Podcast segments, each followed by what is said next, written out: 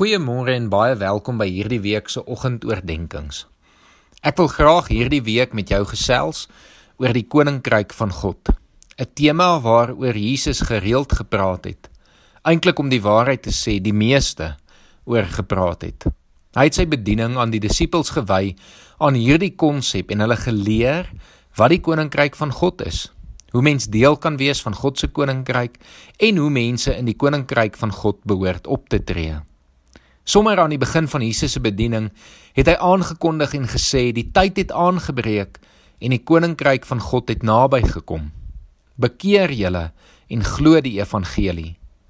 Hiermee het Jesus vir ons gewys dat ons deur geloof in hom as verlosser deel word van die koninkryk. Dit is egter nie iets wat hier stop nie.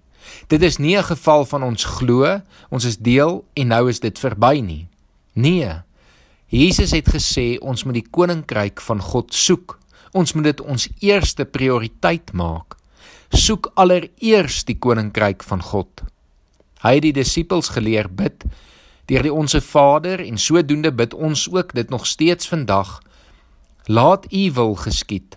Laat U koninkryk kom. En tog dink ek die koninkryk van God bly op 'n manier op 'n afstand. As ons na die wêreld rondom ons kyk, veral hierdie jaar, dan voel dit of die koninkryk van God nog baie ver is. Daarom is dit nodig dat ons hierdie week opnuut na die koninkryk van God sal kyk en iets daarvan sal probeer verstaan. Ons gaan dit hierdie week doen deur opnuut te luister na wat Jesus deur sy gelykenisse oor die koninkryk van God geleer het en die belangrikste boodskap of kenmerk van elkeen van hierdie gelykenisse vir ons eie lewe vasmaak. Elke gelykenis kan daar natuurlik baie meer oor gesê word, maar daarvoor gaan ons eenvoudig nie genoeg tyd hê nie. Ek wil jou egter aanmoedig om die gelykenisse elke oggend ook op jou eie deur te lees en te vra dat God dit nog verder vir jou sal openbaar.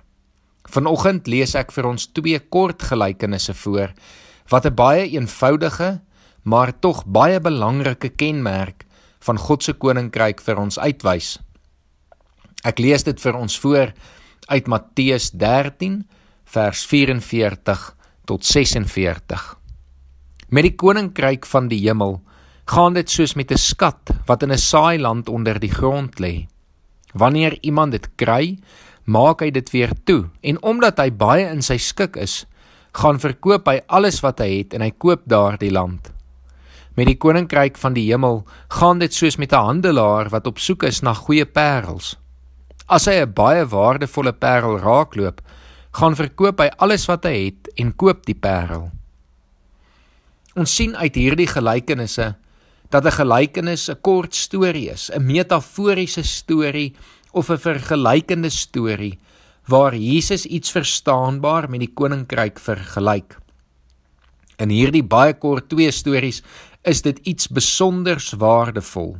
Die boodskap is eenvoudig. God se koninkryk is meer waardevol as enigiets anders. So waardevol dat wanneer mense dit ontdek, hulle alles verkoop om dit te kan kry. Hier moet ons egter nie net finansiëel dink nie. God se koninkryk is nie net iets wat gekoop kan word deur geld nie. Nee, God se koninkryk is so waardevol dat ons ons hele lewe daarvoor moet gee en daaraan moet wy. Want dit is hoe kosbaar God se koninkryk is. Ons kan dit nie halfhartig doen nie, want dan kan ons nie die koninkryk kry nie. Die koninkryk vra ons alles. Is jy gereed om jou hele lewe te wy aan God se koninkryk? In die week sal jy nog verder ontdek dat dit beslis die moeite werd is, want God se koninkryk maak vir ons die ewige lewe moontlik. Kom ons bid saam. Here, dankie dat ons vanoggend weer opnuut kan hoor dat u koninkryk ongelooflik waardevol is. So waardevol dat dit ons hele lewe die moeite werd maak. En Here, daarom wil ons ons hele lewe vir u gee. Wil ons ons lewe wy aan u koninkryk. Wil ons u dien en wil ons in gehoorsaamheid aan u leef. En Here, daarom kom vra ons dat ons hierdie week deur u Gees gelei sal word, dat u ons sal help om nog verder te verstaan waaroor u koninkryk gaan wat ons rol is en Here dat ons dan ons rol met vrymoedigheid en diensbaarheid teenoor U sal uitleef. Ons bid dit in Jesus se naam alleen. Amen.